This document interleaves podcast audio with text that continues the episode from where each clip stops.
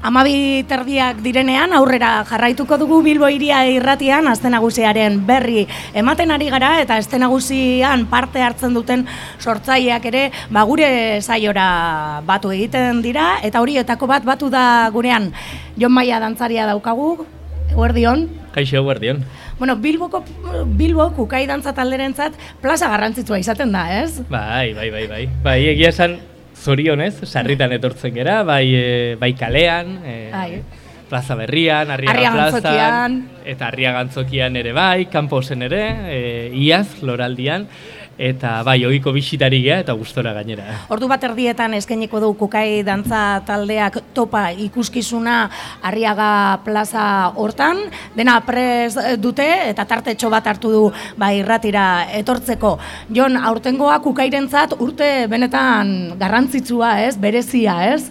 Euskarak bai. ekarri duelako, e, bueno, Euskal Herri osoaren zat, ba, bueno, sari potoloak. Oso intensoa, oso urte intensoa izan da, e, lan aldetik, ba, proiektu ezberdinetan aritu geralako, e, bira ere bai potente izan dalako, Eta, bueno, bagia esan pixkatenak egin du bat, ez? E, gure mm. amabos garren urte hurreneko la giratxo txikitxo bat egin genuen, ondoren maxariak etorri dira, eta bai, urte badirudi bukatu dela, oraindik geratzen da urteaz, baina bai, bai, oso intenso eta oso oso polita. Bueno, ja digeritu duzu, ez? Gau horretako bai, bai, bai. postasun guztiak, bai, ez? Bai, bai, bai. Normaltasuna bueltatu da. Ez pentsa kosta izan zan pixkat, eh? Bai, izan zan kriston olatua papatean. Zare sozialetan jende guztia, bueno, pos, bai. pos, ez, eh, jaso zuelako, ez? Eh, Euskal Herritarrak. Eta guk ere ala jaso genuen, eh? Ia da, jendearekiko, herritarrekiko gertutasun handia sumatu dut horrek asko asko poztu gintun. Etxean ere, ez? Etxean ere bai, etxean ere bai, etxean ere bai. Oso, bai, bai, esan eh, herritarren eh, gertukoen bizilagunen eh, ba, esan baitasun handia jaso dugu eta eta hori da polita azkenean bai. zuman zaude kasu gu Valentzian ginen eta burbujatxo batean bezala iristen zera urrengo gunean honea da bueno, casi, bueno, baina bukatutzat eman da, eta orduan hasten da, ezta? Mhm. Baina oso oso polita izan da. Esan bezala, gaur topa e, ikuskizuna eskeneko duzue, Bilboko Arriaga plaza horretan. E, topa, okerrezpan abil, e, e, umore asokan estrenatu zenuten? Beraz, ia, ia berria da, dela esan bai. aldugu. Bai, bai, estrenaldi bikoitza egin genuen, ze kasu honetan Brodas Bros Kataluniako konpainiarekin batera egin genuen, orduan Kataluniako estrenaldia oloten, sismograf jaialdean egin genuen, eta Euskal Herrikoa umore azokan, baste pare bat berando, eta bai, bai, aurten esan dezagun uda ontako nobedadea da laguretzeko. E, topa, elkarlana ekarri du, ez? E, kukai dantza taldea eta break danza? Bai, bai. Brodas Brostek e, ba, hip-hopa, dantza urbanoa lantzen duen konpainia bat da, eta orduan, bueno, bat egin dugu, eta estenatokian ere ala geri gera. E, bueno, mm, Brodaseko bidantzari, kukaiko bidantzari, kalean topo egiten duten lau gazte dira, a priori horrela esan da badirudi oso, oso leku ezberdinetatik datozela, mm. baina bueno, gero agerian ikusten da, ba, batantzan hasten direnean oso bat datozela eta emanaldian aztutzen zera era bat mm. bi eta bi direla baizik eta bueno, ba, laukote bat da, e, mm -hmm. estenatokian dagona eta koreografo lanetan ibili zara ere, e, nola izan da elkarlan hori, nola e, bueno, e, hip hopa dantza klase hori eta kukaiek ja daukan berezko e, e, estilo hori ustartzea? Ba, izan da oso, oso erreza, horrela esan ematen du pixka bat, baina benetan erreza izan da, e, azkarra eta erreza. Beste askotan sor, sorkuntza lanak izaten dira, geldoak, pisutxak eta kasu honetan oso azkar egin dugu lan, oso oso ondo eta oso erreskonektatu dugu.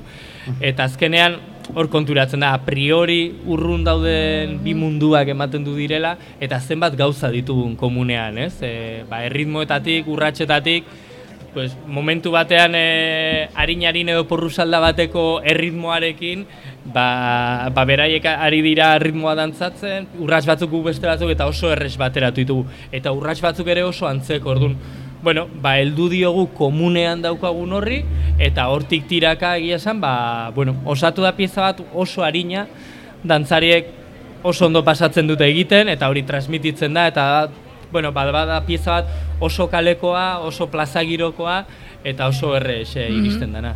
Jon, aipatu berri duzunez, amabost urte badara matzazue, Euskal Herriko eta kanpoko holtzetan eta plazetan, eta, bueno, hor ja nolabait bibilbide ja nahiko oparua e, daukazue, baina e, zuek bi gauzak ustartzen dituzue, nola bai, tradizioa eta berritasuna, eta badago pensatzen duenik tradizioa dela aldatzen ez den hori, zuek ukatu egiten duzu hori erabat, ez da? Hala, tradizioa jaso, baina moldatu ere egin daiteke. Bai, bueno, nik beti esaten dut eta errespetu osoz gainera, guk egiten duguna sormen garaikide bada, baina gure inspirazio iturri nagusia dantza eta kultura, euskal kultura tradizionala da. E, nik uste tradizioa egunero aldatzen mm dela eta eta hau esan genezake e, ekitaldi bat e, inoiz inork mugitu nahi ez duen hoiek ere aldatzen dira mm -hmm. urtez urte eta eta hau hartuko bagen orain dela berrogeita mar urteko bideo bat eta oraingoa seguru aski aldatuta dago.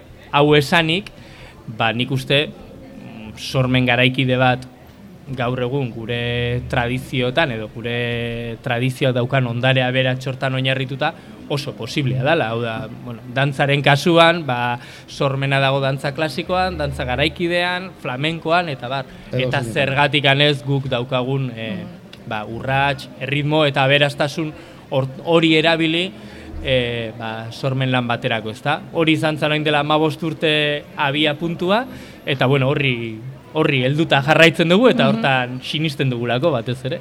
Topa kalerako ikuskizuna da, ez, esango gendun. Eta nola joan da hau da? E, ibilizarete, topera? Ba, erabat kalekoa da, hau da. E, ez estenatokirik, plaza librean, plaza. lau lagun iristen dira, bakoitza bere maletarekin hor jartzen dira, eta hasten da ikuskizuna. Bai, udamajoa izan da. E, ez da izan eta diot kasi zorionez izan dugun urtearekin arnaz pixkat ere eskertu dugu, baina bai, martxa izan du mm. eta batez ere eman dugun leku guztitan oso sondo joan da. Eta orain hemen ere ja pixkate martxan jarraitzen dugu, Bartzelonako merse jaietan ere izango gera, Tarregako antzerki fira, bueno, bai, nahiko martxa dauka ikuskizunak oraindik. Aipatu behar ere, e, eh, DJ-a zuzenean dagoela, ez? Bai. Kaleko musika... Normalki ez, eh? Gaur da lehen aldia. Ah, vale. lehen aldia.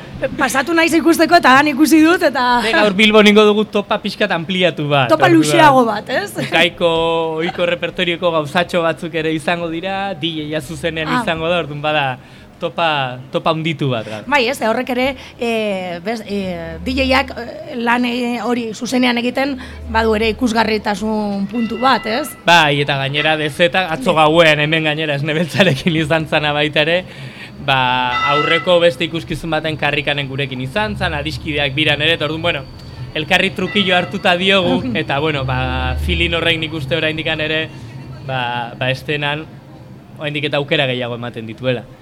Jon, e, holtzan, plazan, e, bizpairu mankizun, bizpairu ikuskizun, eta buruan zen bat?